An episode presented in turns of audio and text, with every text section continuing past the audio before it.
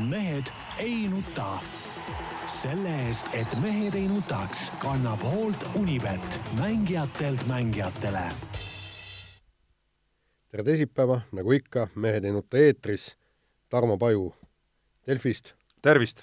Peep Pahv millegipärast näpib siin mobiiltelefoni.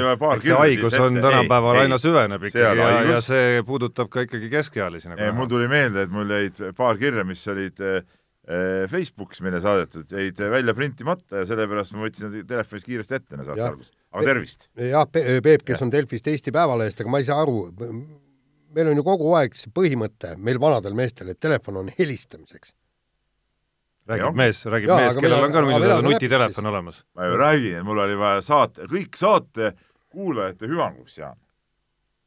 erinevalt sinust ma nagu mõtlen teiste inimeste peale. Nii, ja Jaan Martinson Eesti Päevalehest, Delfist ja igalt poolt mujalt. nagu ma Tarmolt olen kuulnud, siis nüüd tuleb Peebu monoloog poliitilistel teemadel. et me vist täna ei jõuagi sporditeemadeni, ma saan aru, niisugune ähvardus on igatahes hommikul juba õhku visatud. ma ei tea, kas sul veini või midagi on kaasas ei, et vaikselt hakkame siin ei no me saame hakata siin vaikselt ja. või ma võin äkki proovida seda, mis kuradi asi see on, see, vabandust, et ma Ai, nüüd vandusin eetris, aga et vanaema ei kuulnud. ma olen nõus kõikidest poliitilistest avaldustest nagu loobuma, kui sa nagu seda teed ei lähe. aga me lähme vaikselt, käime Tarmoga ära ja siis, aga miskipärast sa lällasid juba eile koosolekul ja millega sa rahul üldse ei ole, noh? lällasin? vastupidi, ma esitasin äh, argumenteeritud äh, ütleme, seisukohti, tead noh ei, ma olen rahul sellest, selle seisukohaga, mis siin räägitakse, et see suur mingisugune kantsler äh, Lemetti, kes äh, kingastati valitsuse poolt, et see oli mingi hirmus hea mees, et et teda poleks tohtinud mitte mingil juhul lahti lasta ja et see oli nüüd et kõikidele, kes, kes ütleme, midagi paljastavad kahtlasi tegusid, et see on nagu märk neile, ei ole, kõik valesti aru saanud ja ka see meie tänane lehe juhtkiri, täielik jama, eks ole, ja, ja ja see lugu ka et point on ju selles, eks, see, et ta läks politseisse, see oli jumala õige asi. et see, selle vastu ei ole midagi ja, ja pidigi minema, kui nägi mingeid kahtlaseid asju. aga mis sa neid kirju sinna ajakirjandusse saadad, see on see värk ja sellepärast ta ei saagi mingil jätkata, igasuguse usalduse kaotav inimene, kes saadab, ütleme, kui me, Jaan, sinuga ajame mingeid asju, on ju, tööasju ja sa järsku saadad need kirjad kuskile eh, kolmandatele pooltele laiali, no siis nii neid asju ei tehta lihtsalt, noh, ja ongi kõik, noh. Et, et kui ma rikun seadusi, saadad mu politseisse, mitte ei saada Postimehe või Õhtulehe toimetusse meie kirjavahetused. Peep, sa, sa ise oled ju rääkinud, et meil on olemas süvariik ja võib-olla see politsei etendabki seda süvariiki ja, ja need, need võib-olla süvariik on ju, ta ju andiski, ütleme, süvariigi vastaste vastu nagunii selle, selle tunnistuse. sellepärast, et politseis oleks võib-olla kokku mätsitud see asi, aga, aga kui ta andis ajakirjandusele no sa saad ise ka aru, Jaan, et niimoodi asjad ei käi. no jaa, aga no tegelikult noh, okei okay,, on sellega, kuidas on, aga, aga, aga eile oli, oli ikkagi see minu meelest täielik ämber oli Jüri Ratase intervjuu öö, Aktuaalses Kaameras, kus, kus temalt küsiti, et noh, et Seda kuidas, ei no seal oli põhimõtteliselt küsiti, et noh, et, et kas, kas nüüd ametnikud peavad vaikselt suu kinni kleepima endale ja mitte midagi või noh, muutuma ka siis nii-öelda poliitikute mängukanniks ja Jüri Ratas selle peale äh, ütleb, et ei, see on väga hea, see on väga tubli, aplodeerime selle peale, kui te räägite, et kui mingit jama on, aga teid sellepärast laht-, lastakse lahti. no Jüri Ratas on ju öelnud, et tal ei ole tegelikult midagi ette heita. et palju ausam Jüri Ratasest oleks öelda, äh, mis ta siis ette heidab sellele kantslerile, aga ta ei ole öelnud ühtegi asja, vastupidi, ta ütleb, et äh, väga hea kantsler, ta võiks riigitööl edasigi töötada. just, aga, aga me laseme ikkagi vastuolu tegelikult Jüri Ratase jutus, ta... et selles mõttes on EKRE mehed vähemalt ausad mehed, ütlevad äh, täpselt nii välja, nagu asjad on, et äh, seda, mis, mida nad ütlevad, seda sa saadki, aga, aga Jüri Ratas üritab mingisugust väga arusaamatut äh, äh, nagu sõnumeid anda, nagu meeldida ühtaegu siis oma EKRE partneritele ja teisest küljest siis kuidagi Eesti rahva eest kõike. sellega ma olen nõus, et niisugune sõnum loomulikult segane, aga ma lihtsalt ütlesin, et seisukoht, minu kindel seisukoht on see, et, et sa ei saa, et ei ole mõtet nagu ajakirjandusse siin niisuguseid asju nagu nagu saata, et selle jaoks no, on politsei, kui, kui seadust on rikutud, selle jaoks on politsei ja, ja kui sa saadad niisuguseid asju, see on sama hea, ma räägin, et kui saadame praegu äh, meievahelised mingid äh, töövestlused, saadame Postimehesse või, või Õhtulehte, no see on sama jabur, no kohe oleks kingastatud meid ka ju, see on loogiline. jah, aga ma imestan, et sa natukene selle vastu ajakirjanikuna veel nagu nii, äh, nii karjuvalt nagu oled, et, et mina pigem elaksin ikkagi riigis, kus ametnikud, kui, kui näevad, et kuskil kas ministrid valetavad või on ebapädevad, siis nad ikkagi ütlevad selle välja ja minu, minu, ma ei näe midagi halba ka selles, kui nad ütlevad selle nagu avalikult välja. et see, et sa selle vastu oled, jutt on kirjade saatmisest, mitte väljaütlemisest. seal ei ole vahet, kirjade saatmine või väljaütlemine. et, et see, kui, kui sa, kui sa selle vastu oled, siis, siis sa ju tegelikult ajakirjanikuna räägid nagu enda vastu minu arust, sest ka sinu töö on ju paljastada mingeid mädapaiseid ja panna ka selliseid Lemeti-suguseid või ma ei tea, mis iganes noh, spordivaldkonnast võttes mingeid muid ametnikke rääkima võib-olla asjadest, mida nad oma ametist tulenevalt ei tohiks tegelikult sulle rääkida üldse. et nii tagantjärele vaadates võiksid sa isegi ju äh, ja kiita tegelikult Jüri Järve selle eest, et ta äh, nii-öelda nagu suusaliidus kokku lepiti täitis käsku no, ja aga no tegelikult ju laias plaanis ei teinud õigesti. osales, osales siiski nagu suures valetamisaktsioonis. mida, mida sa nüüd jamad, Jüri Järv tegi muidugi loomulikult kõik õiget, õieti, ta ei saanudki, tal polnudki mingit õigust ju seda ju ju avalikkuse ette tuua, see reeglid ju keelasid seda, see on ju loomulik ju kõik ju. Äh, ma loodaks, et tulevikus ka Jüri Järve-sugused selles olukorras ei, siiski ei, osa, ei osale ei. selles äh, valetamise, valetamise kampaanias. reeglid on reeglid, Tarmo. ta, ta, kui ta oleks selle avalikkuse ette toonud, teda oleks võinud rahulikult kohtusse anda ju. see ei tähenda, et pidi, ei, see, see tähendab, et pidi valetama.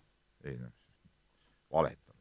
mis ta siis muud üle jäi? ja, ja noh, lõpuks ma muidugi imestan, Peep, natuke, et sa, et sa kaitsed ministrit nii tuliselt kes, äh, see nüüd läheb teemast välja natukene, kes, kelle minu arust pädevuse kohta ütleb, ütleb üks ja ühtjagu juba see, et ta palkas omale nõunikuks Mart Ummelase. Peep. Mart Ummelas Peep, no Peep, kuidas rahu. sa saad teda nii aga, pädevaks ja. inimeseks nimetada? ta palkab Mart aga oled... ma nägin, et ta oli mees, kes äh, üritas maaelu kuidagi edendada, see, see aspekt on üldse nagu tagaplaanile. Mees üritas siin välja mõelda mingeid süsteeme, kuidas, see... kuidas noored saaksid maad, kuidas üldse saaks nagu maal mingi elu äh, areneda, tead, et see on nagu peamine, see mingisugune kurat, on sa see ummelas või ei ole, see mul sellest täitsa ükspuha. aga tahtmine üksi ju ei maksa, ma ei vaidle vastu, et tal oli see tahtmine, aga tahtmine üksi ei maksa, kui tal, kui tal pädevust ei ole. mis mõttes pädevust ei ole, kuule mees kuidas sa saad võtta Mart Ummelast endale nõunikuks? vallavanem, kõik, mina arvan, et tal oli pädevust piisavalt, no okei okay,, sattus seal äh, mingisuguse asjade puntrasse, läks seal rappamadega, läks, no see selleks, aga vähemalt ta oli, ta oli üks esimesi ministreid, keda ma praegult äh, viimasel ajal olen siin näinud, kes vähemalt üritas eh, maaelu suhtes midagi nagu paremaks muuta. mida need eelmised venelased teinud on ja mida seesama kantsler Lemetti on teinud maaelu parandamiseks, vot see on omaette küsimus. tema pädevust ma hinnata ausalt öeldes ei oska, küll aga, küll aga, küll, küll aga ei ole Jüri Ratas öelnud eh, teda lahti lastes mitte ühtegi sõna, et ta kuidagi ebapädev oleks. ei öelnud ju. ei, absoluutselt. väga hea mees pidi olema. no mis ta head teinud on? no aga Jüri Ratas miks, ütles, et väga hea mees on. miks maaelu kiratseb tead? Jüri Ratas ütles, et ta on väga hea mees. mis Jüri Ratas siia puutub no,? tema lasi ta lahti. nii, ja teine jura, mis ma tahan ka nüüd ette võtta, enne kui me spordivärgi eh, eh, juurde lähme, eks ole, on siis loomulikult see kalatehase teema, eks ole. Just meil oli siin, just me tõime Tarmoga just ka koosoleku laua tagant, kus see teema oli ka üleval, eks ole, noh, mis, mis jama see on, mis jama see, see Toidu Veterinaaramet seal korraldanud on, ma ei saa aru, tead, noh. tänasest lehest mina loen igatahes ütleb äh, Vetevool, et viimasest viiesajast proovist viissada on olnud puhtad. nii, äh, miks siis tehas kinni pandi? oota edasi, oota edasi, nii, okei okay., no võib-olla seal neil olid mingid omad proovid no,, pandi just, kinni, nii, edasi. aga tooted kaupluses on ju müügil ju, kas ma võin, kas ma täna lähen poodi, mina olen väga suur kalasööja, väga suur lõhesüüja, sööja, mitu korda nädalas söön seda igal juhul. kas ma võin seda süüa või ei või siis? mis see tehase praegune kinnipanek aitab, kui tooted on müügil? see on mingi tsirkus ju no, see on mingi tsirkus. nii, ja, ja ikkagi eh, miks pandi kinni, kui on viiesajast viissada puhtalt? ei no okei okay,, see on tema, eh, nemad ise võtsid proove. ei, nad ise peab... ei võtnud. ei no jaa, aga, aga nemad tellisid proovid, tegelikult peab ju eh, nii-öelda vastaspool peab ka vähemalt ka oma, oma proovid tellima. jube hea on öelda. vastaspoole tehtud proovides, ma saan aru, et on ka normi piiresse need äh, numbrid. no jaa, nad nõuavad millegipärast, tead, see, see teema no, on minu, minu jaoks natukene üle pea järjekordne, ütleme selle muu asja varjus tegeletakse mingisuguse jamaga ja, ja, ja paratamatult, kui siuksed asjad tulevad, vaata, sa ütled küll, Tarmo, ka tihti, et see on äh,, naerad, kui ma räägin, et noh, see on paranoia, eks ole, aga jälle niisugune tunne, et, et ühele Eesti firmale tahetakse lihtsalt, lihtsalt ära teha, tead, no võib-olla tahab mõni, mõni lääne kapital põhinev asi siin, siin ise kanda kinnitada. täpselt selline mulje jääb, paratamatult, eks ole. ise, ise annavad hoogu nendele kõikidele juttudele niisuguste otsustega. Pole no, midagi vastu ei, mul ei ole vastu öelda, sest ma natukene pean tunnistama, pattu vajusin äh, teemast välja, et vaadata, kuidas meie heli natukene kõvemalt välja läheks. ja, ja ütlen, et nii palju, et minu arust on ka väga segane lugu, ei saa ausalt öeldes üldse enam aru. Äh, seesama Veterinaar- ja Toiduamet võiks oluliselt paremini selgitada kõike seda, mis seal toimumas on. ja on ise ka väga nagu segaseid signaale andnud, üht, ühtaegu teatades, et et sealt tuleb välja, eks ole, eluohtlik kala, aga teisest küljest mitte nagu juba ammu kinni pannes seda tehast. ja nüüd järsku panevad. nii, aga, aga, aga lähme ja, nagu siin mahlaka, mahlasemate teemade juurde, ütleme, ja Jaan saab sisse juhatada ja, ja, ja, ja, ja siin nagu on möllu kõvasti. ja Pe Peep tegi väga hea intervjuu äh, Marko Märtiniga, kes on äh, Ott Tänaku, noh, ta iseennast mänedžeriks ei pea, ütleb, et, et abi, abiline ja, ja, ja tõmmati ikkagi vesi peale kogu selle soomlaste kambale, alates siis Tommy Mäkinenist, kes piltlikult öeldes Äh, oli kui väravaht, kes läks keset mängu varumängijate pingile. see oli väga lahe kujund oli välja. oli väga lahe kujund, et, et see oligi nagu põhjus, miks äh, Ott Tänak, kes tegelikult tahtis, äh, tahtis jääda Toyotasse, aga, aga ikkagi lõpuks siirdus Hyundai'sse, saab Timo Johki, kes peab ennast maailma parimaks mänedžeriks, sellepärast et. on seda, peab ennast jaa, ei ta peab, ma ma tean, ma tean, ma ütlengi rõhku seda, peab ennast maailma parimaks mänedžeriks. ma, ma läksin temaga intervjuud tegema, ütlesin, et, et sa olevat üks, sa oled üks maailma parimatest äh, mänedžeridest, ta ütleb ei, ma olen parim aga, aga kelle viimane, jaa, ei absoluutselt, ja kelle viimane maailmameister on siis Toomi Mäkinen üheksakümnendatest aastatest. ja, ja said äh, oma osa ka Latvala ja Miik, kes olid siis parimad Hyundai sõitjad Toyota tiimis aidates siis Hyundai maailmameistriks ja, ja, ja, ja Soome ajakirjandus sai, kes igasugust paska äh, väidetavalt äh, kirjutas ja kõik, et igal juhul soomlased on küll ärevuses ja kõik, kõik nad on äh, seda arti-, artiklit refereerinud väga jõuliselt ja väga jõulised pealkirjad on, et et, et Marko Märtin pani nii-öelda Mägineni soomlased ja Jouki paika. no täna hommikul või oli see eile õhtul juba, igatahes screenshotilt kellaaega ei vaadanud, aga isegi Colin Clark refereeris väga pikalt kogu seda, kogu seda eilset artiklit. nojah, ei no tead, ta on ju tegelikult on vägev, et, et Marko Märtin võttis ette mees, kes nagu väga tihti ei, ei räägi üldse, et ta, et ta võttis vaevaks eh, kogu seda juttu nagu rääkida, aga ilmselt ta ilmselgelt oli ka endal nagu hinge peal see, see oli nagu eh, jutuajamise käigus ka näha, et see oli tal endal hinge peal, sest et nagu ta ütles, et noh, nii palju no sõna otseses mõttes paska, mis on see, selle teema ümber eh, olnud ja, ja kirjutatud ja tulnud, et noh, nii palju noh, see vajab nagu selgeks rääkimist, et selles suhtes oli, oli nagu äh, oli nagu ausalt kõik ära räägitud.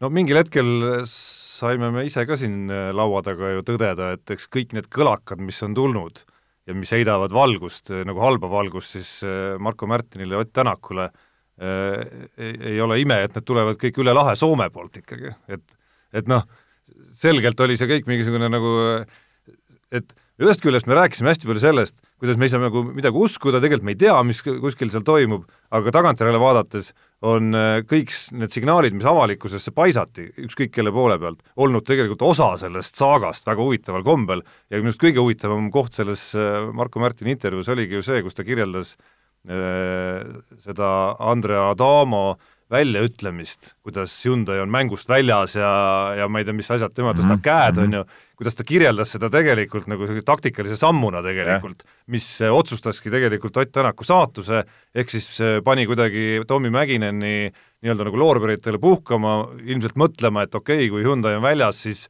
siis no ega M-sporti nagunii Ott Tänak ei lähe, on ju, Citroeni ammugi mitte, et okei okay,, nüüd ma võin võib-olla natukene nagu hakata seal äh, mitte nii palju enam vastu tulema Ott Tänaku ja Marko Märtini soovidele. selline oli Marko Märtini versioon. see oli hästi huvitav, kui see nii oli, siis muidugi braavo Andrea Adamo ees. ma kogu aeg öelnud, et Adamo on nagu, on nagu kõva vend. aga noh, peab muidugi arvestama, et see on nüüd Märtini versioon. no jaa, aga no ütleme nii, et mul ei ole küll ühtegi põhjust nagu Märtini versiooni paikapidavuses kahelda, et küll ta, no ütleme, tema teab neid taustu, mis hetkel midagi välja öeldi ja, ja, ja mis nagu mõjus kõige paremini, noh, et ta ju vahetult selle läbirääkimistega tegeledes ju nägi seda, nii ta ütleski, et selle selle lausega ta ju ütleme, mängiski, eks ole, Mägineni eh, nii-öelda pingil, et, et eh, ja see oli jah öeldud kõige, kõige mm, eh, läbirääkimiste kõige huvitavamal hetkel ja me siin, Jaan ka ju, meil oli ju selge, selged versioonid, kuidas kuidas umbes, et Hyundai venad ei taha enam Tänakut nähagi ja ja mis seal rallipargis ka räägiti seda teemat, et noh, seal on ja, nagu täielik, täielik tüli ja kõik need asjad, et noh, et noh, et väga osavalt, osavalt on seda asja aetud muidugi, jah. aga, aga, aga samas, eks see oli ju see oli ju näha ja tunda ja, ja kõik see Tommy Mäkineni kommentaarid seal, kui kui Ott Tänak ütles, et need läbirääkimised on kulgenud keerulisemalt, kui ma arvasin ja, ja selle peale siis, siis Mäkinen noh, nagu ise ütles, et, et meil ei ole kuhugi kiiret, meil on aega küll, eks, et et meil on vaja detsembri keskpaigaks need lepingud alla kirjutada, siis me saame autot testima hakata, kõik ta-ta-ta, eks kõik muud. Noh, ma tegelikult ei saa sellest asjast ikkagi aru, et, et kui sa jahid maailma parimat rallisõitjat, siis, siis sa pea-. sul ei ole aega. sul ei ole aega. sa, sa peaksid ja, ja tead, mis oli tegelikult on huvitav? ma eelmine aasta rääkisin nende samade Soome ajakirjanikega. Äh, äh, rääkisin seda, et, et noh, kui Ott Tänak oli nagu suures mängus äh, sees ja, ja kõik niimoodi, siis meil oli omavaheline jutuajamine ja ma tahtsin siis öelda, et, et kui Tommy Mäkinen on tark, tark, siis ta juba praegu teeks pikema lepingu Ott Tänaku ära. Ja ma hakkasin ütlema, et kui Tommy Mäkinen on tark ja selle peale Soome ajakirjanikud ütlesid, aga ta ei ole. Et ühesõnaga, ühesõnaga nii, nii on ja tegelikult noh, eks see Marko Märtin väga seda Toyota siseasju küll ei rääkinud, aga, aga seda ümberringi ikka räägitakse, et sealt on väga palju häid inimesi ümbert ringi ära läinud. ei no seda, seda on äh, öeldud jah, ja, ja, ja teine asi, mis, mille peale Marko ikka ütles, et tegelikult, et üks kriis oli juba eelmisel hooajal, niisugune sügavam kriis ka tiimis. et, et seal need asjad nagu ju hästi-hästi ikkagi tuleb välja, et ei olnud noh, algusest peale, et see oli kuidagi sinna sisse programmeeritud jaa, aga, aga, aga samas, kui, kui me vaatame, kuidas see Hyundai nüüd äh, praegu tegutseb, üks, üks oligi, ma ju äh, enne seda Kataloonia rallit kõik kolm Hyundai võidusõitjad käisid sõitmas väiksemaid rallisid. ja siis ma küsisin noh, Tommy Mäkinenilt ka, et, et kas sul ei olnud nagu mõtet, et, et testida, nagu sa saad lisatesti aega sellega. ta ütles, et ei, ei, et noh, et see ei, noh, seda pole vaja, ega midagi, eks no seal oligi näha ju tegelikult, kui hea seal äh, Hyundai oli. nüüd taaskord, vaata, nüüd äh, sõitsid need äh,, vennal Lööb sõitis ju seda väikest rallit, Duvari rallit sõitis, aga see on jällegi selleks, et see R5 autosid testida. et ühesõnaga, nad teevad ikkagi väga kõvasti seda tööd ja panna üheksakordne maailmameister Lööb sõitma jõulude eel, vabast ajast, neid väiksemaid rallisid järelikult sa oled ikka kõva tiimijuht. ei no muidugi, no ja, ja, ja tegelikult eh, just niisugused kogenud meeste testimised ongi ju need, mis on nagu annavad selle õige, õige asja. Ja kui sa suudad meestega selle kokku leppida, selgeks teha, et seda on nagu tiimile vaja ja, ja noh, eks see muidu kajastub ka meeste palganumbris ja noh, me ei tea, kuidas need lepingud neil seal tehtud on, eks ole, et et, et selles suhtes see on, see on väga hea. Ja see annab muidugi näiteks, see annab ka äh, väga suure lootuse, et äh, Eesti fännidele, et Ott Tänakut on võimalik näiteks Rally Estonial järgmisel suvel näha. Kuna Hyundai taktika on see, et, et need autod sõidavad, nemad on käinud siin Rally Estonial ka kahel eelmisel aastal ja nad niisuguseid olukordi ära kasutavad, siis siis, siis miks ka mitte, see võiks see aasta või noh, vabandust, järgmine aasta siis, siis niimoodi minna. aga see Marko Märtini intervjuu ja, ja need kivid, mis ta kõik sinna Toyota ja Tommy Mäkineni äh, aia poole viskas, mõned neist läksid mitte ainult aeda sisse, vaid minu arust isegi aknasse. et see on tegelikult hea üleminek teisele ralli teemale, ehk siis sellele, et äh, vahepealse nädala jooksul, nii nagu me saates ennustasime, tuligi äh, selgus Citroeni tiimi tuleviku osas, ehk siis äh, pillid pannakse kotti, homme oodatakse siis suuremat teadaannet selle kohta, kes Toyotas järgmisel hooajal sõitma hakkavad, suur ootus on, et Sebastian Ogier on siis seal mis äh, nüüd no, asju, mis nüüd asju kokku viies tekitab ju päris ägeda, okei okay,, rallimaailma mõttes äh, on nutmist palju, et äh, ühe, ühe sellise tiimi loobumine teeb supi nagu lahjaks, aga kui nüüd nagu tippu vaadata, intriig on ju nagu noh, ideaal peaaegu, esiteks Tänak versus Neville, Hyundai nii-öelda nagu sisemine võitlus, pluss siis nüüd Tänak versus Ogier, Tänak versus Toyota olukorras, kus nüüd on korralikult vastastikku hoope ka veel jagatud avalikult aga see on muidugi huvitav, tuleme korra Märtini intervjuu juurde tagasi, et, et Märtin ütles, et see Citroeni eh, lahkumises või ütleme, sellises olukorras on ikka Ožeel ka päris suur roll, kes ütleme, pööras selle meeskonna seal täiesti pea peale ja nüüd eh, olles nüüd noh, kuulnud, eks ole, nende Toyota tiimi siseasjade kohta, on väga huvitav vaadata, kuidas Ožeer seal nagu majandama hakkab, et, et et ütleme, seal on need vastuolud ka siis ju väga lihtsalt tulema, et, et kui kui tal õnnestus Citroenis kõik pea peale pöörata, siis miks ei peaks Toyotas niimoodi ja no ma kahtlustan, et Ogier ise näeb seda asja võib-olla teistmoodi no, ka veel, mis tähendab, et see on veel üks väike fragment, mis lisab ja. intriigi lihtsalt. jaa, aga, aga no vot seal ongi ju, vaadake, see Citroen ju lagunes ära Kataloonias ja sisuliselt ühe korra, muidu ta oli lihtsalt aeglane saan aga lagunes ära. Ossier võitis kolm rallit. just, täpselt jah ja, see äh, näitab ikkagi selle mehe sisu ka. jaa, ei absoluutselt. sest ta ei võitnud neid sellises stiilis, nagu, nagu Ott Tänak rallisid võitis ja. ikkagi. aga, aga mis siis juhtub, kui, kui nii-öelda Ossier'd tabavad täpselt samasugused löögid, nagu on kahel aastal tabanud Ott Tänakut?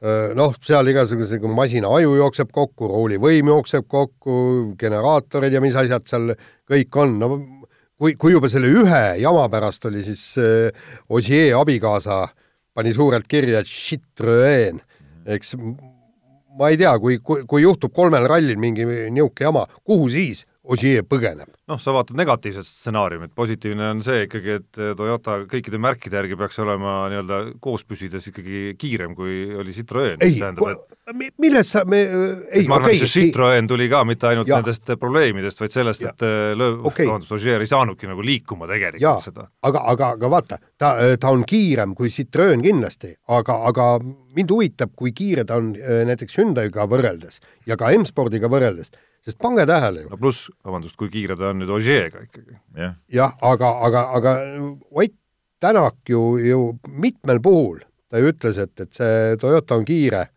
kolm punkti, kui mina sellega sõidan. ja, ja ühel rallil, ma ei mäleta, mis rallil ta oli, ma ütlesin, et noh, et ka seal kuskil hoolduspargis seal kas ralli päeva lõpus või, või lõunapausil ütlesin, et, et näed, et Toyota on ikka päris kiire ja, ja kõik, et noh, et, et on hea auto sulle ette valmistatud mille peale ta ütles, et noh, et vabanda, aga auto on kõigile kolmele ette valmistatud, aga kus need teised mehed on? no et, äh, eks selle vihje sisu oli ka see, et ta ise on ju osalenud selle valmistamises. ei, ei, no seal on ikkagi see, et jaa, aga see, see on ikkagi selge, et, et Ott Tänak tegi selle Toyota ikkagi antud juhul. aga, no, ja, ja, aga, ja, aga nii mitmekordse maailmameistri puhul nagu on Ogier, arvata ja, ja pakkuda, et ta on, ütleme nüüd Miiki ja Latvara klassist no, mees, kes, kes ei, kes ei suudaks ei. nagu hakkama saada selle asja nagu enda jaoks kiireks seadistamisega, ma ei lähe, ma selle peale küll panuseid ei paneks. ma, ei, ma olen sellega täiesti nõus, et, et äh, Toyota on Ogier äh, istumise all täpselt sama kiire, aga, aga ma võib arvata, et Hyundai on võib-olla tänu Ott Tänakule tsipa kiirem, kui ta praegu oli seda me ei tea, vot see on nagu selle kohta jälle, jälle Marko Märtini intervjuu juurde tagasi, ta ütles väga jälle väga õigesti, et neid asju kunagi ette ei tea, et me teeme täna otsused, mis puudutavad homset ja mille õigsust me saame teada ülehomme, eks ole. seesama see tiimivahetuse asi ka, et kuidas seal täpselt sobima hakkab, seda ei tea, ei tea keegi. seda ongi võimatu ette näha jah, aga, aga muidugi, eks me oleme siin saates ka öelnud, et see on ikka täielik jama, et see Citroen äh, omadega õhtale läks, aga, aga see on noh, korporatsiooni arvamus, et nad ütlesid, kolme sarja ei sõida, nad hakkavad sõitma e-vormulit e, e, e-vormeleid, siis äh, Peugeot hakkab sõitma kereautode klassi mingit ja ütlesid niimoodi, et, et, et kolmandat suurt sarja nad äh, lubada endale ei saa siiski, kahjuks. nii, aga aeg on vist lasta panna kõllimasin tööle aga kus see trummar on, kes mängib? Sellist laua all või? Mismoodi see tuleb see? No sinu jaoks ütleme, et on laua all, jah. kas sa ei mõelnud vanasti see on nagu lihtsam. kas sa, kas sa väikse poisina ei mõelnud, et need inimesed, kes televiisoris räägivad, nad on televiisori sees või? ja nagu Karlsson Katuselt äh, omal ajal esimest korda telekat nägi ja ta ei suutnud aru saada, kus see ma ei mäleta, ma, saan aru, et sina mäletad ikkagi juba ei, ma, ma, ela, ma endast ei mäleta, aga ma mäletan seda, et vend on rääkinud, et tema mõtles küll, et nad on seal Äh, televiisori sees need inimesed. mäletan ka seda, et kui ta nägi esimest korda jäähokimängu, siis ta mõtles, et need mingid imelikud, äh, imelikud uisutajad, et nad muidu püsti seisab ja ennast kepi peale toetama. liitrite tähele ei pannud seejuures selles mängus, noh. aga noh, umbes nii on, tegelikult noh, kui sul on kepp käes, siis on kolm toetuspunkti ja väga hea jää peal liikuda. nii, aga kiire vahemäng, jätkame ralliga, rallisõitja Juan Bonato kinkis üheksakordsele maailmameistrile Sebastian Loebile Prantsuse-Eesti sõnastiku ehk siis äh, äh, Ott Tänaku järgmisele, järgmisest aastast tiimikaaslasele. et noh, ma arvan, et äh, see, see oleks päris paslik, et kuna Ott Tänak on praegusel hetkel kiirem ja see oleks väga lugu, lugupidav tema suhtes, kui, kui ta tuleb näiteks astub Hündasse sisse, siis lööb ja teised ka eesti keeles tervitavad, tere Ott, kuidas läheb. vähemalt noh, nii palju võiks ära õppida. noh, ikkagi üks on, üks on legend ja üheksakordne tšempion, teine on ühekordne meister, et kes keda peab teretama muidugi ometi. kellele siin sõnastada tegelikult vaja. kuule, spordis on ju see, et maksab ei, viimane ja, tulemus, viimane ja, tulemus. küll, valitsev maailmameister küll, aga vaatame nagu üldisemat plaani no kuule. siis selge see, et äh, lööbi tasemele äh, ei tõuse keegi mitte kunagi ei no jube hea on sõita, kui sul on, mäletad, seal oli ju äh, kaks tiimi ja kusjuures ainult kolm võidusõitjat sõitsid äh, kõik etapid läbi. Äh, kas praegu et... on rohkem võidusõitjaid või? ei no absoluutselt rohkem, muidugi mm. -hmm. no on ju rohkem. kes konkureerivad? ei, no aga on ju, tegelikult siis oli ma ju kolm. rääkida, tipp on alati ühesuguselt tihe ei no mingit vahet. aga, aga too, toona oli võimatu näiteks esikolmikust välja langeda, kuna kolm pilooti sõitsidki. võimatu see muidugi ei olnud. Noh. no üsnagi võimatu. no hetkel on Selge, ka, hetkel Jaan siiski on ka üsna võimatu esikolmikust välja langeda. Jaan Martinsoni versioon on see, et äh, Sebastian Loeb ei ole kõva mees ei, ta on ei, kõva sa, mees. ei, sa ju andsid praegu iga oma keharaku andsid mõista, et ta ei ole kõva mees. jaa, aga tal oli väga palun, lihtne neid. palun, sina alustad seda rallihooaega meie poolt, eks ole, lähed Monte Carlosse, palun esimese asja, mine Sebastian Loebi juurde, ütle, eh, võrreldes Ott Tänakuga sa oled suvaline kott. nii, ma, ma palun seda eh, filmida ja palun tuua tõestus. ei, ta ei ole suvaline kott. sa oled mingi libukas või? et maksab ei. ikkagi ei, see ta... viimane tiitel. tähendab, viimane tiitel maksab, sa ei ole mitte keegi tereta, tereta mind eesti keeles ja laske, lasku ühele põlvele. kuule, mitmes sa olidki eelmine hooaeg? mis sa olid, mingi seitsmes, ei kümnes, kaksteist? mäletage, mis mees sa üldse oled. jah, absoluutselt. nii, ja tee ära see asi. see on tööülesanne sulle. jah, teeme ära. seda videot me tahame kõik vaadata. jääme ootama, ma arvan, et mitte ainult meie, vaid terve rallimaailm, Colin Clarkid ja kõik. saad ka Colin Clarki sellesse asjasse sisse, jah? jah. jääme ootama, diil. Äh, vahetame teemat Andres Sõber võttis töö, Andres Sõber andis töö, võiks piltlikult öeldes äh, selle kohta, et äh, äh, kui meenutada aastate tagust olukorda, kus kaotus Andres Sõbrale, Andres Sõbra juhitud meeskonnale, maksis siis Aivar Kuusmaale Kalev Cramo peatreeneri töö, siis nüüd tähendas uudis sellest, kuidas Andres Sõber on lahkunud Kadrina karude eesotsas, seda võimalust Aivar Kuusmaale asuda ise karusid juhendama. ja, ja nagu näha oli, Kuusmaa kohe esimeses mängus Põmdi väga kõva võit Viimsi üle, Viimsi on, on esiliiga mõistes väga kõva sats ja, ja väga hea võit, tõsi.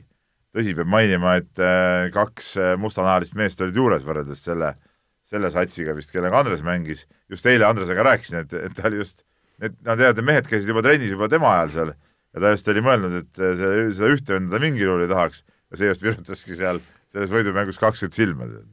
et, et aga ei, no Andres ütles, et ei, ei olnud enam jaksu, et tal on tal on see õpetajatöö täiskohaga, tal on oma Viru-Nigula hundikutsik, keda juhendada ja no ega need pikad sõidud ja esiliiga on ikka suht tihe ka tegelikult ja ja noh, ei, ei, ei olnud jaksu ja, ja ka tulemust ka ei tulnud väga ja, ja nii ta oli. teiselt poolt vaadates päris äh, omamoodi üllatav, et Aivar Kuusmaa oli valmis sellise asja ette võtma, et äh, sõitmist ja ja loksumist on omajagu ikkagi ja, ja aga ta vist seal käib ka mingi kaks-kolm korda nädalas. no ikkagi noh, et Kadrina, Kadrina aga... ei ole päris siin kuskil Harjumaal. aga selles valguses, kas teate, mis on reedese päeva kõige suurem spordisündmus Eestis? nii.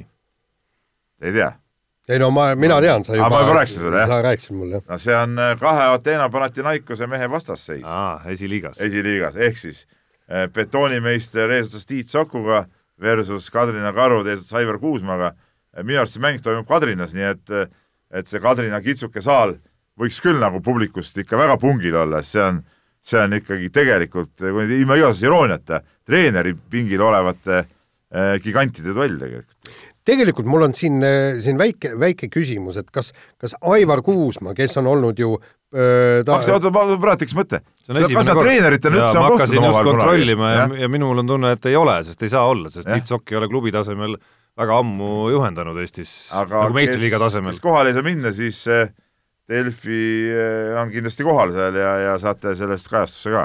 ja aga mul on tegelikult see küsimus, kaks suurepärast treenerit, üks on Eesti koondise treener olnud, teine on BC eh, Kalevi treener olnud ja, ja kõik, et nad, miks nad esiliigas treeneritööd teevad? kas, kas neil tõesti meistriliigas kohta ei ole? aga kelle me välja vahetame siis? Kas ta, kas nad on ei, ma küsin. ei, mina ei tea seda. tähendab, tähendab need, kes praegu on meistriliiga treenerid, on paremad kui Sokk ja Kuusma. ei, ma ei tea, kas nad on paremad, aga, aga ei, keda sa välja vahetad, noh no, no alustuseks Tiit Sokk peaks näitama ju ka mingit huvi üles sellisel kohal töötada, et Tiit Sokk ei ole nagu huviline, Tiit Sokk teeb noortega ka. et ta oli pikalt ju Eesti koondise peatreener ja et tema on nagu eri case. ja, ja ma, ma ise kohtusin temaga U kaheksateist sarjas siin paar nädalat tagasi ja, ja ta, tal on seal töö ja teeb siis sama, sama klubi tegelikult, meeskond on see esiliiga betoonimeister Nord, eks ole, et, et teeb sellega ka ja, ja, ja ta on seda aastaid teinud seal, aga ta oli ka siis, kui ta Eesti koondise peatreener oli, esiliiga treener ju noh. Aga suured kossuspetsid, nagu me oleme, selle fakti panime muidugi puusse, et äh, mälu on nii lühikeseks jäänud, Tiit Sokk jõudis TTÜ-d juhendada ja sel ajal, kui Kalev Cramo peatreener oli Kuusma, nii et nad on kokku läinud ikkagi, treeneritena. Õigus, ja ma hakkasin praegu mõtlema, mida Tiit Sokk oli TTÜ treener, aga õigus oli tõesti jah, jah. vot, äh, aga no ikkagi, aga ikkagi huvitav, ma arvan, et ikkagi igal juhul see on huvitav. absoluutselt nii, aga äh, nüüd on mingi niisugune teema antud, millest ma ei tea midagi. Jaan, Jaan, Jaan Roose, see on siis meie köietantsija, eks ole. nii, köietantsija Jaan Roose Red Bulli tiimis Sebastian Ogier ja Max Verstappeniga, mis ta siis, see on mingi kolmevõistlus või? ei, ei, no ta on, ta on samas tiimis, noh. Samas tiimis? samas tiimis, ehk siis Red Bulli tiimis. seal on ka Kelly Sildaru näiteks. seal on ka Kelly Sildaru, seal on Jüri Vips ka. seal on, no Jüri Vips, seal on minu arust iga, iga teine rallimees, kes MM-sarjas sõidab, on Red Bulli ei, viga ei ole, Neuvill on ja kas, kas veel keegi on või? mis sa jamad, Red Bulli kirjadega sõitsid Citrooni mehed, äh, see, Evans sõitis kindlasti Red Bulli kirjadega. Ei no aga Red Bulli impeerium ongi väga suur. jaa, aga, aga, aga tegelikult äh, noh, asi on just see huvitav, et, et äh, nii laialt võetakse ette ja ühel hetkel see köietants ehk siis ku, kummi köiel hüpplemine. minu arust ka sõitsid äh, Red Bulli. ei, ei kindlasti on äh, Neuvill on. ja Neuvill jah ja, ja. aga, aga selles mõttes on huvitav, et, et võetakse nüüd nii-öelda see, seda nii-öelda kummiköiel hüplemist ka spordina. ei no see on väga osa asi, mina olen, olen näinud seda, mismoodi see käib, see on väga äge tegelikult, väga, väga vinge asi, aga noh, see sport on, ta on nagu tsirkus rohkem muidugi. Noh. et siis võiks juba ju, ju, ju äh, karutaltsutaja ka olla Red Bulli tiimis ma arvan, et kui karu taltsutamine oleks äh, ütleme, sama popp mingis sihtrühmas, mida Red Bull jahib, siis kindlasti karu taltsutajale pandaks ka see nokats, pannakse nok-, nokats pähe, järelikult on, ma arvan, et Red Bull seda nagu ei tee sellepärast, et lihtsalt Jaan Roosel tundub ilus näolapp. Aa, ilus mees või? ma, ma pakun, et ei tee sellepärast nii, lähme kergejõustikumanu ja aasta parimaks kergejõustiklaseks äh, valis äh, rahvusvaheline ker-, kergejõustikuliit Eliud Kip-, Kipchoge, kes äh, nagu selgub, MM-il teda ei käinud, maailmarekordit ei püstitanud äh,, hooajade tabelis on maratonis teine number, aga ei, ta püstitas selle kunstlikes tingimustes maailmarekordi, ehk siis noh, see on, ma ütlen nii, et minu arust need IAF-i juhid, no need kaotasid, kaotasid viimasegi ajuraasukese, minu arust need täitsa idioodid, täitsa idioodid. no minu meelest ka, jah niisuguse sportlase paned eh, maailma parimaks eh, aasta kergejõustikus, kes su MM-ilgi ei suvatse osaleda, eks ole, teeb mingit inkubaatori eh, võistlust, no tere hommikut, noh. täielik debiilsus. minu meelest see märk... see näitab järjekordselt seda maailma spordi väärastumist, täielikku väärastunud vaadet sellele spordile ja kui seda juba spordiala juhid nagu ise kultiveerivad, siis ei ole siin pikka pidu enam selle spordiga, ei ole. sellepärast, et noor reporter Märt Roosna, kes väga hea kommentaari sellest kirjutas, ta ju tõi välja, et, et seal on tuulepuhuritega on ju keegi jooksnud ka sadat meetrit, mis äh, noh, nii-öelda äh, maailmarekordist paremini ja kõik, et aga mikspärast siis neid ei, ei valita. kauguski on hüpatud rohkem. jaa, täpselt, eks. et miks, miks siis neid, neid ei valita. ja, ja minu meelest on, üks asi on selge. kui sa MM-il ei võistle, siis ei tohiks sul, või siis olümpial sul ei tohiks olla mitte mingisugust võimalust saada maailma parimaks no, kergejõustiklaseks. absoluutselt.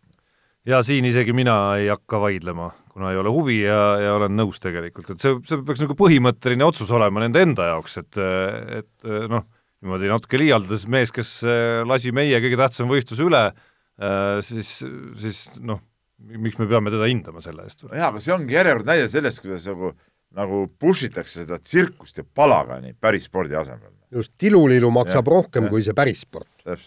Nii, aga kiire vahemängu lõpetuseks teema, mille puhul ma kahtlustan, et siin võib tegelikult ühest väikesest vahemängupunktist kujuneda saate üks kõige kandvamaid osasid, ehk siis anname sõna Milano Interi jalgpallimeeskonna legendaarsele peatreenerile Antonio Contele, kes on soovitanud oma mängijatel võistlusperioodil vähem seksida ja seal on ports konkreetseid nõuandeid ka, et kui seda ikkagi teha, siis ja nüüd järjest, esiteks tuleks teha seda kiirelt, teiseks minimaalse pingutusega, kolmandaks ütleme siis nii-öelda allpool asendis, äh, lamades, ja neljandaks pigem abielu naisega, äh, kuna ütleme siis teised tüdrukud nõuavad rohkem pingutust. ei, kõik on õige, kõik on ju sada protsenti õige, sellepärast et noh, ütleme ise lebada ongi nagu hea, eks ole, pikutad, samal ajal muu organism puhkab nii kiirelt loomulikult, aga mis seal siis pool tundi seal nühkerdada, tead näe.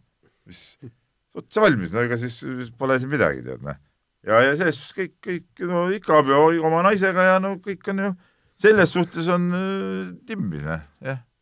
oled sa äh, lihtsalt huvi pärast ma küsin, et, et no niimoodi sellele sina kõige värskema abielumehena. ei no miks ma niimoodi tagantjärele, ma eile õhtul äh, peab, peab ütlema, eile õhtul juba sai seda teemat, seda teemat sai arutatud kodus. proovisid pingutuseta? sai, sai juba arutatud kodus ja noh, tagantjärele võiks öelda, et noh, sellepärast oligi vaja abielluda, et, et nagu noh, saaks nagu lihtsama vaevaga edasi. ja muidugi, täpselt ongi nii. aga noh, see, et pingutuseta aga, aga siiski, aga mul on siiski üks soovitus. vanad mehed ilma pingutuseta ei saa sest suur pingutus on juba, on juba, juba nagu saada vastuse staadiumisse, eks aga no mul on siiski sulle soovitus, et noh, võiksid siiski proova, võib-olla sa oled proovinud muidugi, et noh, võtad selle, prindid välja selle kas või selle artikli, Delfi spordis on see tõlgitud ka, selle Antonio Conte artikli, riputad näiteks knopkaga kuskile voodi lähistele, eks ole, ja, ja kui sa lähed voodisse, siis ja nüüd aeg on nagu küps, ütleme niimoodi, ja siis lihtsalt pimedas võtad taskulambi, suunan valguspihu sinna selle kirja peale. sinna, ise lähed pikali, lamad niimoodi ja jääd lihtsalt ootama. nagu see, oota, kuidas see sest, sest nagu, sest nagu Conte ütles, sest nagu Conte sisuliselt ütles, et abielunaistega noh, pingutada ei ole vaja tegelikult. ei no seda abielu on ju, mis sa enam pingutad? seal siis pole midagi, noh. Ja siis ütleme veel laseme pärast, toome üks õlu ka vot selle kohta Contel ei olnud mingeid soovitusi, ma ei tea, kuidas ta alkoholi okei okay,, no ta laseb mineraalka võib-olla seal jah, mineraalveed, tõesti, isotoonilist jooki. jah, noh sai varud tuleb taastada, jah. ma siin kõrval kuulan ja mõtlen, et, et olin noor, siis oleks võib-olla ka see teema erutanud mind Jaanil ju erakordne, vaata kui ma ütlesin, ütleme minu eas vajab pingutust, Jaani eas vajab erakordset pingutust ja see on nagu erakordne sündmus, et seal niimoodi ta päris nojah, seal on saa. teised reeglid, Jaan, selles mõttes, et noh, ta räägib ikkagi nagu täis ju sportlastest ka veel pealegi, kes, kes ei tohi nagu energiat raisata, on ju, sul, noh, sa ka tegelikult ei tohiks, vaata, sa peaks ka hoidma ikkagi seda iga energiaraasu. hoiamegi mida sa hoiad? ütles ta, ütles ta väga mitmetähenduslikult äh,. laseme kõlli Unibetis saab tasuta vaadata aastas enam kui viiekümne tuhande mängu otseülekannet. seda isegi mobiilis ja tahvelarvutis. Unibet, mängijatelt mängijatele. nii, Unibetist tahtsid rääkida meile? tahtsin rääkida, ma tean, et sina ei taha rääkida, sellepärast taha, et, et tegemist on olnud väga ludri panustajaga, küll aga on meil Peebuga rääkida jah, ma siin Peep läks siis, Peep läks siis oma võite vormistama KHL-i, KHL-ile panustades. ma siis mäletatavasti saate ajal tegin panuse ja ma teadsin, et Riia Tünn oli raha, enam ei ole. et on võimeline Moskva Dünamat, kuigi nad ei olnud soosikud, alistama ja kõik oligi nagu nende kätes, kolm-kaks olid ees seal enne lõppu, aga siis lasid paar mintsi lõppu viigistada ja siis no tead, see läkski normaalne tulemus, mul läks muidugi panus sellega juba vett vedama. aga noh, asja point on veel see, et nad lasid äh, lisaaja põhimõtteliselt koos sireeniga visata ka Moskva tänaval võiduvärava, nii et noh, nii on. et eh, ütleme nii, et järjekordne miinus ja, ja, ja ma ei tea, mis nüüd saab, raha on, raha, oli raha, ei ole raha, noh. Mina jäin enam-vähem nulli, kõigepealt võitsin panuse Euroliigas, kus panin kokku omavahel Valencia võidu seniidi üle, kus läks tegelikult päris teravaks ja ja üsna närvilise pilguga jälgisin seda live skoori mingitel hetkedel ja teine äh, selle panuse osaline oli Barcelona, mis pidi võitma Fenerbahcet ja seal mingit küsimust ei olnud, aga, aga selle võidu andsin ma tagasi eile õhtul, kui investeerisin natukene siis kuidas öelda, Kalev Cramo võitu, ehk siis ehk siis see, et Kalev võitis, tähendas mulle rahalist kaotust, aga väga head korvpallielamust, pean ütlema, me jõuame selle juurde veel, veel tagasi kindlasti.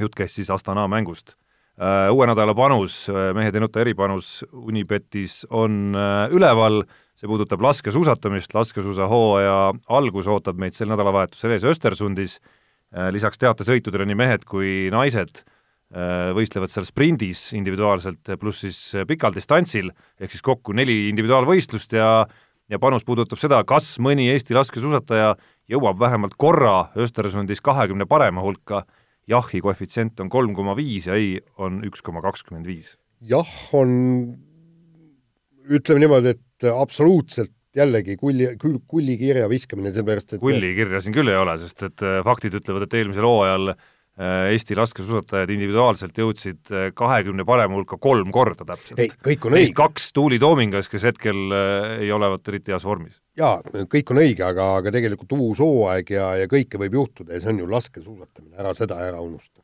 no üsna täpselt, üsna, üsna, üsna okeid koefitsiendid, ma arvan no., raske, raske isegi valida no sellepärast ongi poolt, poolt selles. no ma räägingi, et raske, viska kulli kirja.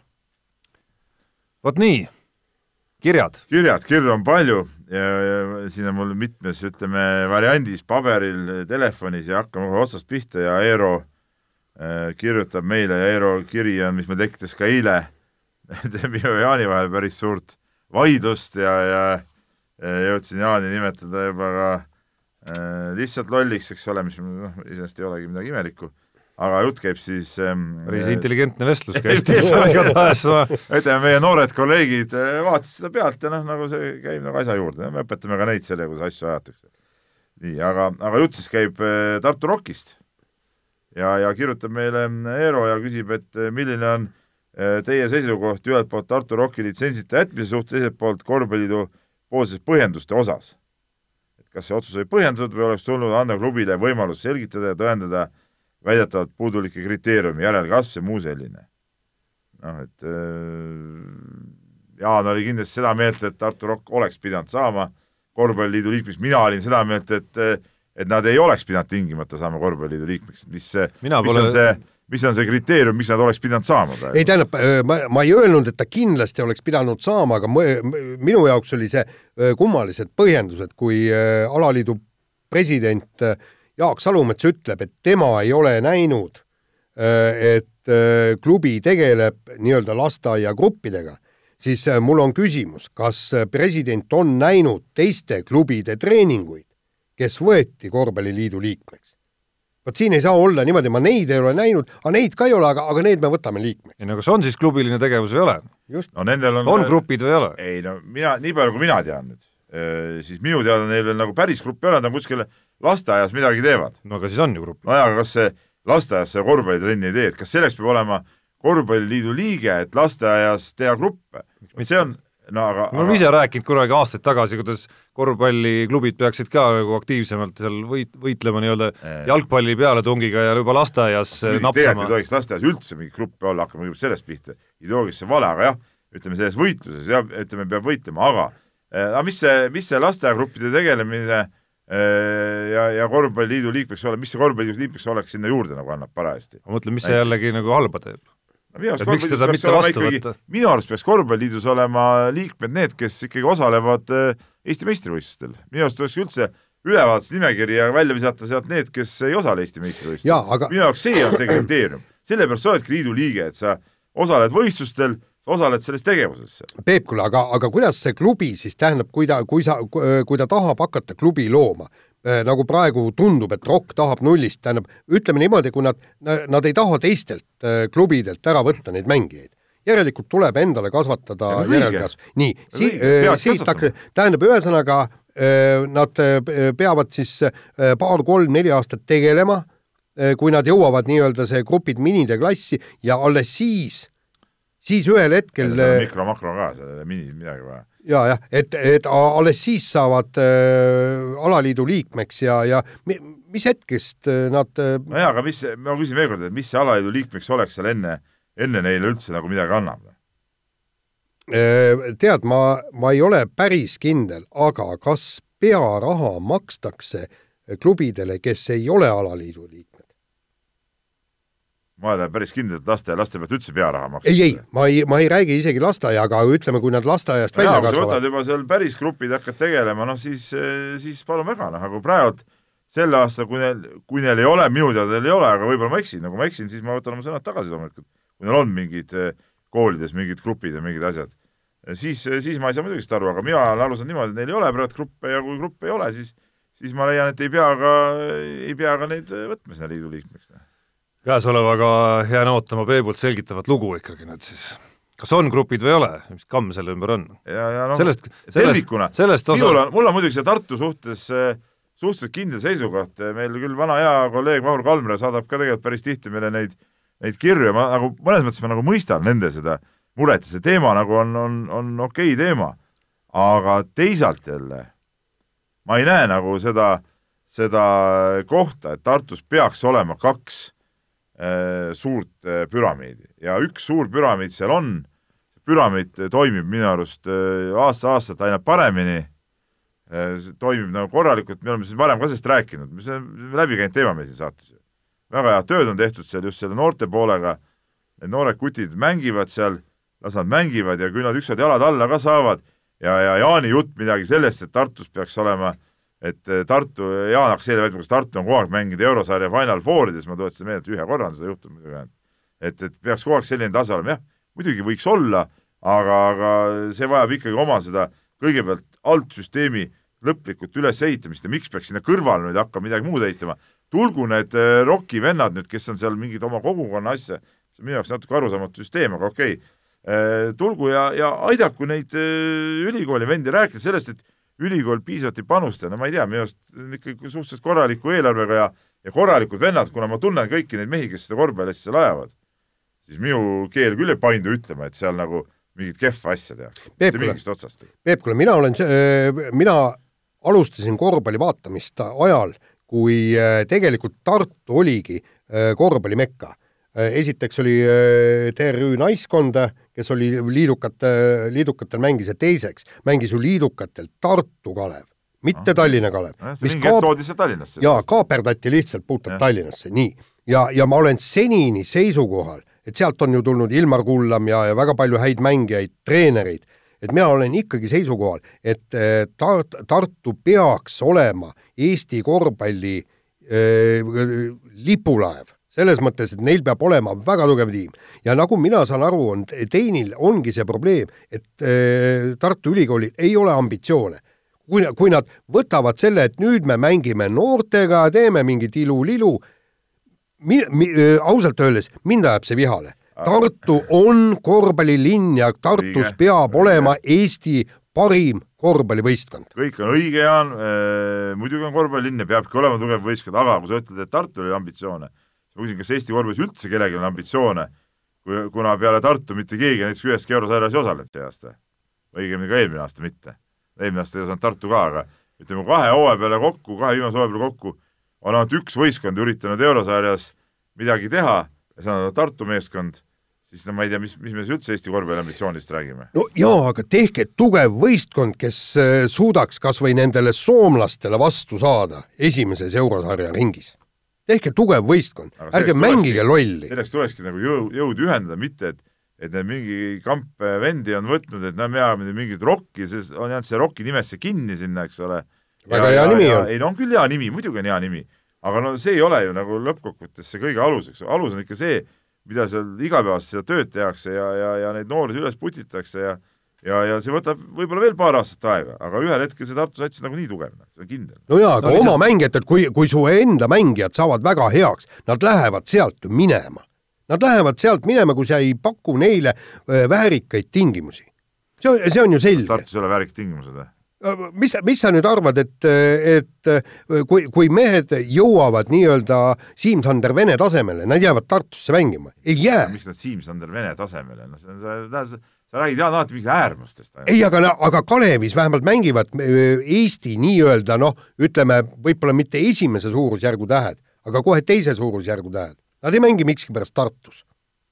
ma ei, no vähemalt sõnade järgi ma näen, et Tartu Ülikool justkui üritab välja anda sõnumeid nüüd viimased aasta või poolteist, et nad ikka tegelikult nagu tahavad tippmängu ka mängida. no väga selgelt aga, aga ma natukene ootaks ka nagu veel nagu nii-öelda nagu suuremaid samme korraga, et ega nad nagu lõputult ootama ka ei saa jääda, et, et muidu juhtubki see, et, et õige varakult hakkavad kõik, kes vähegi pead tõstavad, ära minema sealt. et, et noh, see selle aasta eurosarja initsiatiiv jube hea initsiatiiv, aga jäi selles mõttes nagu hapraks, et, et noh, taset nagu nappis, et sellest eelringistki läbi minna, kusjuures seesama meeskond, kellele nad kaotasid, on ikka väga korralik peksupoiss praegu alagrupi faasis.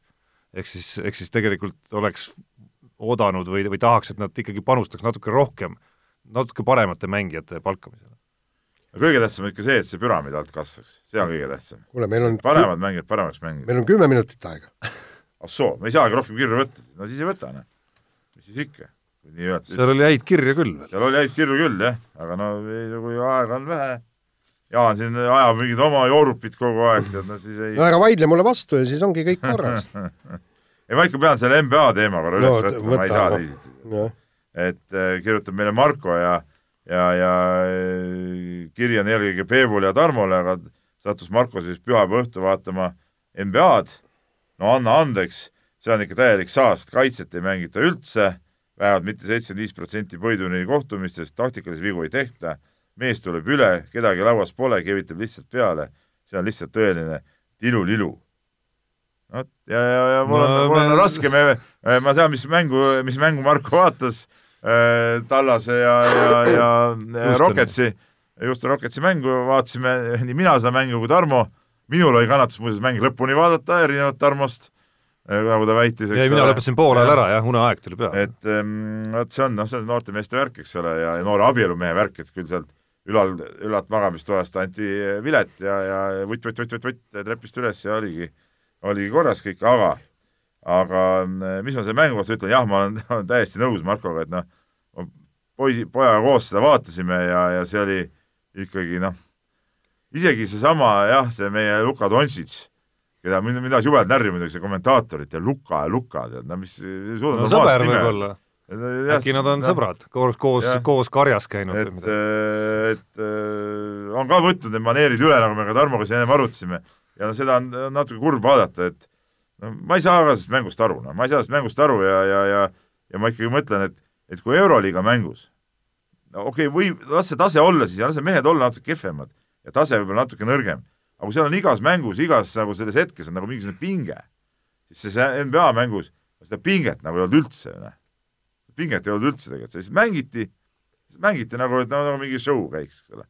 aga seda pinget ma ei tajunud kordagi selles mängus jaa, et noh, põhiturniiril see tekib enamikel mängudel, okei okay,, kindlasti on erandeid, aga enamikel mängudel tekib see ikkagi seal lõpupoole kuskil, et et ega midagi ei ole öelda, see taktika, mida siin juba aastaid tagasi sai hakatud tarvitusele võtma NBA puhul, et et pigem alates play-off'ist ikkagi rohkem pühendada oma aega selle vaatamisele. ma arvan, et see on nagu tegelikult see on, see on täitsa hea taktika ja Euroliiga isandatele ka muidugi hoiatuseks, et ei maksa seda liigat nagu liiga suureks ka hakata ajama, et nad vaikselt kisuvad ka sinna piiri peale juba, et kohe, kui sa ajad põhiturniiri mängude osakaalu nii suureks, siis paratamatult ma arvan, et see ikkagi on selline nagu halb kaasnähe sellega, et, et kui sa mängid sada mängu hooajal koos play-off'iga, noh, võimatu, et mängijad suudavad eh, ennast nagu õhtust õhtusse, vahel panevad viie päeva jooksul neli mängu, ma mäletan seal graafikus tihedamaid hetki, et no see ei ole võimalik, et sa suudad võtta esimesest minutist neljakümne kaheksandani seda nii tähtsalt nagu, nagu ühte play-off kohtumist näiteks. ei, see on loogiline, jah.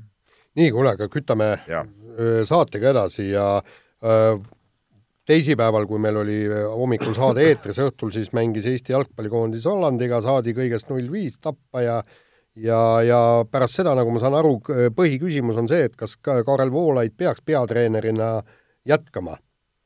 ja, ja siin ma kohe ütlen ka ära, eks ma, Marko Kristali minu meelest väga, väga hästi öeldud kommentaar oli Õhtulehes, et kui hakata rõõmustama, et koondis valdab palli ja kaotab, siis ma ei tea, nii madalale pole vaja latti asetada. ja, ja seal oligi niimoodi, et, et see oli vist Aivar Pohlaku pikas intervjuus oli see, et, et rõõmustas mäng palliga.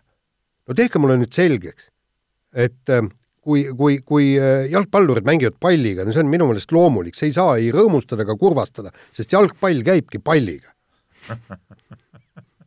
no on ju noh, ei, selles suhtes Jaan on muidugi tuline õigus, et, et, et mäng käib palliga ja kõik need, no see, see jutt, kõik, mis ka need pohlakud ja räägivad ja, sellest Eesti jalgpallist, no see on, see on aastakümnete jooksul no, sadu kordi kuulnud seda juttu. Noh. see nagu ei veena mind enam, tead, et seal on nagu mingid asjad ikka, mis rõõmustavad nii ja naa. tabeli ette, vaatame resultaati, resultaati ei ole, noh, see on nagu fakt, resultaati ju ei ole. et see tsükkel oli nagu täielikult läbi kukkunud Karel Voolaid, noh, võib-olla on tore mees, no võib-olla, mul ei ole praegu kindlat seisukohta, kas talle peaks andma võimaluse edasi või mitte, aga fakt on see, et ühtegi võitu ta ei saanud, noh. et, et äh, nii on lihtsalt. Kusjuures ta ei ole minu meelest äh, U-koondiste eesotsas ka ühtegi võitu, tähendab, ühesõnaga praegu hea kolleeg Andres Vaher minu arust kirjutas Postimehes selle väga õige tähelepaneku, mis oli, minu arust oli Andrese loos see, et Karel Voolaidul oli noortekoondiste ajal juhtus alati nii, et need mängu lõpud vajusid ära ja praegu nende meestekoondiste ka mängu lõpud vajuvad ära. et see on nagu mingi sümptomaatiline äh, nähe ja no see taktika poolega on ju ka see, et et ei ole olemas ju õiget taktikat ja valet taktikat, et taktikat sätitakse ikka lõpuks ju vastavalt sellele, milline see koosseis on ja mis on kõige tõenäolisem ja õigem taktika just selle koosseisu ja nende meeste oskuste jaoks. Et et sellepärast ma imestan natuke, et siin päris paljud jalgpalliajakirjanikud kuidagi nagu ühest suust äh, Andrest ei saa sinna punti muidugi lugeda, äh, nagu argumenteerivadki seda nii-öelda, et nui neljaks peab Voolaiule andma äh, nagu nii-öelda nagu jätkamiseks võimaluse, et kuna siis seda seal taga, seda passi liigutamist on nagu juurde tekkinud, on ju.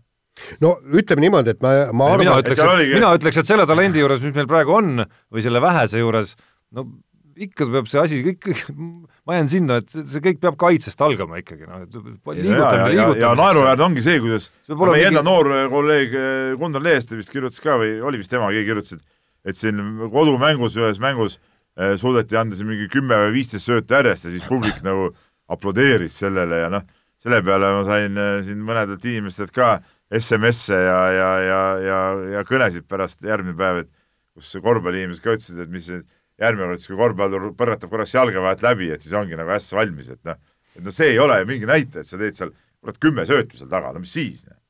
ja lõpuks ikka kaotad selle mängu, kuhugi ei jõua nende sööt, kui need nagu kuhugi ei vii, no siis okei okay,, ma olen tore mees, ma hoian siin palli, loksutan natuke, aga mingit tolku sellest ei ole ju. Noh. et noh, selge on see kostus ka kakskümmend neli sekundit, seal nurgas põrgata niimoodi, tead, no mis siis on siis, noh, palli ära kaotanud et selge on see, et personali mõttes ei ole nagu kõige parem aeg, kui sa nüüd vaatad seda koosseisu, kus mehed mängivad, kui hästi nad mängivad, siis järelikult saab olla mina ei ütleks, et see passi liigutamine seal saab olla see Eesti edu alus, et pigem mingi metsik töö ja metsik rabelemine ja metsik võitlus ja need on minu arust ainsad asjad, mis sellisel juhul metsik nagu noh, agressiivsus, ütleme kuskil seal niimoodi noh, vea, vea piirimail kogu aeg ja mingid sellised asjad saavad kuidagi tasandada seda. aga, aga eeldada, et me nagu selle koosseisu pealt niimoodi ehitame nagu eduvalemi üles, mina ei usu sellesse no seal on kaks asja, punkt üks, minu meelest ei ole mitte mingisugust vahet, kas meil on peatreener Martin Reim äh,, Karel Voolaid või keegi kolmas. et äh, tõesti, kõik on meestest kinni ja selles samas mängus oli ka, kui kommentaator juba hakkab ütlema, et kuulge, kallid mehed, proovige see esimene puude, proovige see pall kätte saada. see esimene puude oli ju täitsa kohutav, kuus-seitse korda äh, lasti rünnakuvõimalus lihtsalt sellepärast äh, luhta, et kõige lihtsam, kõige elementaarsem element, mida õpet-, õpitakse ju lapsest peale, ei ole siiamaani omandatud, et kuidas selle palli kätte saada, kuidas see esimene puude on, et sa saad sealt jätkata. ja teine asi on see, et lubame ikkagi Voolaiul jätkata, sa kujutad ette, ta lõpetab karjääri ära ja ta pole koondiste peatreenerina saanud mitte ühtegi võitu. see, see on ju noh, masendav eh?. las ta vähemalt ühe võidu saab kuidagi kätte nüüd on meil ah, mingi saad selle mingi Paapua ja Uus-Guinea just, just, just. jah, no pärast seda siis vaatame edasi, aga las ta saab selle ühe võidu ikka kätte äh,. Kiirelt põikame korvpallimanu, mida sai siin mainitud ka, äh, BC Kalev Cramo korvpallimeeskond äh, sattus päris korralikule kaotuste soonele vahepeal nii VTB liigas, kus mängiti võõrsil järjest mänge, pluss siis ka koduses liigas, just, pluss siis koduliigas kaotati Ogrele mis oli juba selline nagu natukene nukramaks tegev, aga aga tegelikult ma segan vahele, tegelikult Ogrele kaotas, ka Ventspils kaotas, no ma ole. vaatasin seda mängu viimast veerandaga lisaaega, see mäng oli Kalev Cramol tegelikult võidetud, et ja. selles mõttes see tegi ikkagi ei, nagu mitte ainult nukraks. aga me ei saa öelda, et Ogre on nagu mingi lambi võistkond. ei, muidugi ei saa, aga aga muidugi peaks neid võitma, muidugi peaks mind ajas see ikka nagu päris korralikult vihale, ma ei mäleta, millal ma viimati nii vihane olin isegi, noh lihtsalt selle, seda vaadates, mismoodi see mäng kaotati, eriti normaalaja lõpus, kus, kus mäng oli tegelikult Kalevi käes, sealhulgas oli ka vastastel rünnak, viimane rünnak, Kalev oli kolmega ees ja just nagu mulle tundus, et oli käsk kätte antud viga teha ja siis jäeti selle vea tegemisega ootama nii kaua, kuni ütleme, vastaste see mees, kes suudab iseennast viskele mängida, hakkaski ennast viskele mängima, oli hilja juba. ja noh, kogu lugu kõik, lisaaeg ja ja seal ka veel juhiti neljaga kusjuures.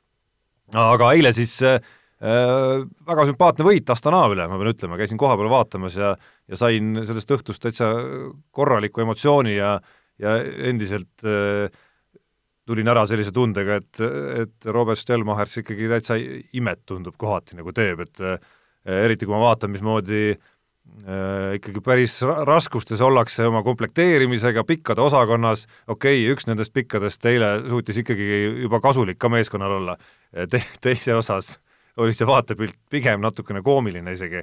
et aga lõppresümee oli ikkagi see, et ilma pikkade tandemi Kristjan Kangur, Kristjan Kitsinguta äh, ei kujuta nagu üldse Kalev Cramot nagu hästi mängimas praegu isegi ette. et kõiki, kõiki neid äh, detaile nagu jälgides äh, väga imetlusväärne, et, et, et Astana, kus noh, kirjade järgi oli päris müstiliselt häid mehi seal, kes oli NBA-s mänginud ja kes oli siin Arizona ülikoolis äh, tippnumbreid näidanud ja siis Renas Vestast laenule antud Astanasse. et ütleme, selliste staaride vastu suudeti hästi mängida ja, ja ka Eesti vennad olid äh, täitsa korralikult pildil. jaa, ei, see ongi, no see Stelmachersi fenomen on olnud ikkagi päris, päris tuntav selle meeskonna juures, ütleme sellest räägiti juba siis, kui need esimesed head võidud tulid ja noh, nüüd ka ütleme, et et tegelikult, kui me vaatasime äh, hooaja alguses seda võistkonda, siis oli päris raske nagu loota, et üldse seal mingeid asju juhtuma väga hakkab, et noh, seal ei olnud mingeid mehi, kui sa võtad seda Kalevit nagu just. aga praegu neli võitu on juba käes, noh, no lihtsalt ei ole paha ikka, praegu ikka liigutakse ju seal nii-öelda play-off'i joone peal, et, et äh, siin tulevad veel ju ju igast head mängud lähiajal ka tulemas, kus on võimalik võita napsata, et, et ma ütlen küll, et saaks nüüd selle korvialuse täpselt ja. paika, noh, see on nagu võtmeküsimus et mu tunne on ka see, et see ei ole nagu hooaja pikas plaanis siiski jätkusuutlik. see, et sa veadki terve hooaja läbi äh, pikkade tandemiga Kristjan Kitsing ja Kristjan Kangur, ütlemata ühtegi halba sõna, nagu supermängu mõlemad mehed mängivad, et et seesama äh, kaks neliteist serblane vist oli ta, kes äh, noh, no kellega ei olnud üldse lihtne, loomulikult oli Kristjan Kangur jälle see mees, kes näitas, et kui tippklubidel on vaja mingit venda, kes saab hakkama vastaste tuntud pikkadega, nii nagu ta Aioni vastu ja. näitas, siis tasub äkki kangur veel selles selles karjäärifaasis isegi endale, endale võtta, aga pikas plaanis aga see ei ole, keegi ei võta muidugi. pikas plaanis see ei ole jätkusuutlik, et, et tuh-tuh-tuh, aga noh, hetkel on läinud ju kõik selles mõttes hästi, et nad on püsinud otsu-, nagu õigetes mängudes eh, tervena ka, need mõlemad mehed nii, aga hästi kiirelt eh, viimane teema tegelikult, ma arvan, et järgmine nädal, eh, järgmises saates me menetleme seda pikemalt, aga ja nüüd oleme targemad kusjuures. ja siis oleme tal-, targemad, algab praegu talispordi hooaeg, eh, Kelly Sildaru selgub, et ta hakkab võistlema kuskil jaanuarikuus. ta tegi mingi firma endale. jaa, ta tegi firma, no aga Aspen X-mängud peaks olema. no just, nii, Kristjan Ilves murdis ennast ära, kui suusamäel kukkus, järgmine aasta hakkab võistlema Äh, kolm murdmameest lähevad meil starti nüüd äh, Ruga MK-etapil äh, ja kahevõistlejaid ei ole, paar suusahüppajat, vaatame, kuidas neil on, nemad siis ja pluss laskesuusatajad, ütleme niimoodi, et, et kes on täies koosseisus tegelikult? kes on täies koosseisus, tegelikult on see nii-öelda murdmaasuusaliit ennast ikkagi nii nulli mänginud et, et praegu on tõesti, mäletad, omal ajal oli see, et murdmaa ruulis, et kes te laskesuusatajad siin olete, aga praegu on ikkagi nii no, kogu, kogu, kogu rambi valgus on nüüd nende peal, Östersundis sellel nädalavahetusel. ja, ja, ja, ja saab näha lihtsalt äh, no kõigepealt hakkab ibu, ibuvõistlusega pihta see äh, trall, eks ole, ja siis sealt läheb edasi. Et, et lihtsalt järgmises saates me räägime, kuidas on läinud, aga, aga, aga põnev on, vähemalt need esimesed etapid tahaks ära vaadata. Ja siis, siis vaatab edasi, et, et kas, kas pärast seda hakkame üldse näiteks neid murdmaasuusatajaid ja kedagi jälgima või või seal väga palju kedagi jälgida ei ole, et kui me räägime murdmaasuusatamisest, meil on Marko Kilpi jälgida tegelikult. no ei, seal on veel kaks venda lähevad, kuigi no, ma ei teagi, kes no, nad lähevad no, jah, aga noh ma räägin, keda jälgida. jaa, ei seda küll. starti võib alati minna ju terve mhm. hunnik igasuguseid sportlasi, eks ole, kvoot on täidetud, aga me räägime, keda jälgida, jälgida on ikkagi Marko Kilpi, et kuidas ta on nüüd saanud hakkama, kas ta üldse on saanud hakkama, ütleme üksinda sisuliselt treenides ja olles seal, noh. Et see on nagu, see on nagu asi. aga no oluliselt huvitavam on ikkagi minu arust see kogu see laskesuusa ei, kui me rääkisime praegu jah, kogu see, kogu see laskesuusa värk, et et kohe täitsa huvitav on mõelda, et kuhu see latt nüüd nagu asetada ikkagi nende jaoks selleks hooajaks, et siin äh, Alvar Tiisler tegi Margus Aderiga vist nädalavahetusel lausa kaks pikemat intervjuud, üks oli äh, Vikerraadio selles pühapäevases spordisaates pikem versioon ja siis lühem versioon oli Aktuaalse Kaamera spordis pühapäeva õhtul ja siis ma kuulasin, kuulasin seda raadio oma, sattusin kuulama, sest sõitsin autoga just sel ajal. ja siis mõtlesin, et, et mis see, mis see Ader ajab, et äh, jube madalale nagu lati seab justkui, et räägib seal nagu top viieteistkümne hulka jõudmisest ja ja et noh, noh, peaks ju nagu äh, eelmise aasta tuules kuidagi nagu ikkagi nagu suuremaid ampse kuidagi silmas pidama, aga noh, siis kui mõtlema hakkad, siis, siis muidugi sellesama küsimuse koostamise puhulgi sai vaadatud, et needsamad kolm top kahekümne kohta eelmisel hooajal. Et ega need hüpped või sammud sealt edasi noh, absurd on äh, oodata või, või nagu tegelikult ei, ei ole nagu loogiline, et need sammud nagu sama hooga edasi lähevad sealt, et Tuuli Toomingate ja äh, ja Johanna Talihärmade puhul selle taseme kinnistamine või mingi väiksemgi samm sealt edasi, ega muu maailm ka ei maga, oleks ja ju tegelikult positiivne, just, oleks ju ka positiivne, seda enam, et äh, et ka sealt tuli eelmisel nädalal väga halb signaal. Tuuli Toomingas küll nagu ei tahtnud sellest numbrit teha ja ütles, et küll saab kõik korda, aga kui ta tõesti viitas oma intervjuus äh, ületreeningule, noh, siis ma ei tea, Rene Sahknast on päris halb näide mõne aasta tagune ees, kes ei ole ju siiamaani tegelikult välja tulnud sellest no,. aga, aga siit tulebki välja see tallispordi fenomen. me räägime ja me ootame kohti viieteistkümne seas ja ise salamisi loodame, et, et äkki keegi suudab esikümnesse, kümnes, üheksas, kaheksas koht, see on juba jumal aga, aga laskesuusas ütleme, koht esikümnes ongi ju mega. Jaa, aga, aga, aga miskipärast me teistes alades äh, seda kõike vaata, kümnevõistluses miks ei vaata, murdmaal oleme lausnud ei, ei, ongi, ei ma rääkisingi, ma ütlesingi, et, talispordi fenomen äh, Jens, mis sa tegid? jaa, ei, absoluutselt, aga sellepärast ma ütlengi, see on talispordi fenomen, et seal on koht esikümnes, on kõva saavutus. aga, aga samas kergejõustikus, äh, kui et no kaheteist hulka jõudmine suurvõistlustel näiteks on no ütleme niimoodi, paljudel juhtudel. jaa, väga okei okay.. kui sa just Gerd Kanter ei ole või siis äh, Kirt või siis kümnevõistleja või siis Rasmus Mägi või ta-ta-ta, kui me hakkame siin nüüd Janek Õiglase neljas ja kuues koht MM-il on jamata. ei, ei väga hea, muidugi, aga, aga, aga seal me räägime medalist. miks me laskesuusatamises medalist ei võiks rääkida? üksainukene põhjus. seal võib, see on ka niisugune ala, kus see medal võib ka tulla ja. niimoodi nagu värk selgest just, aga räägimegi poodiumile. Ei muidugi, eesmärk peaks muidugi olema. nii, aga sellega on saade läbi ja kuulake mind nädala pärast. mehed ei nuta saate tõi sinuni Unibet, mängijatelt mängijatele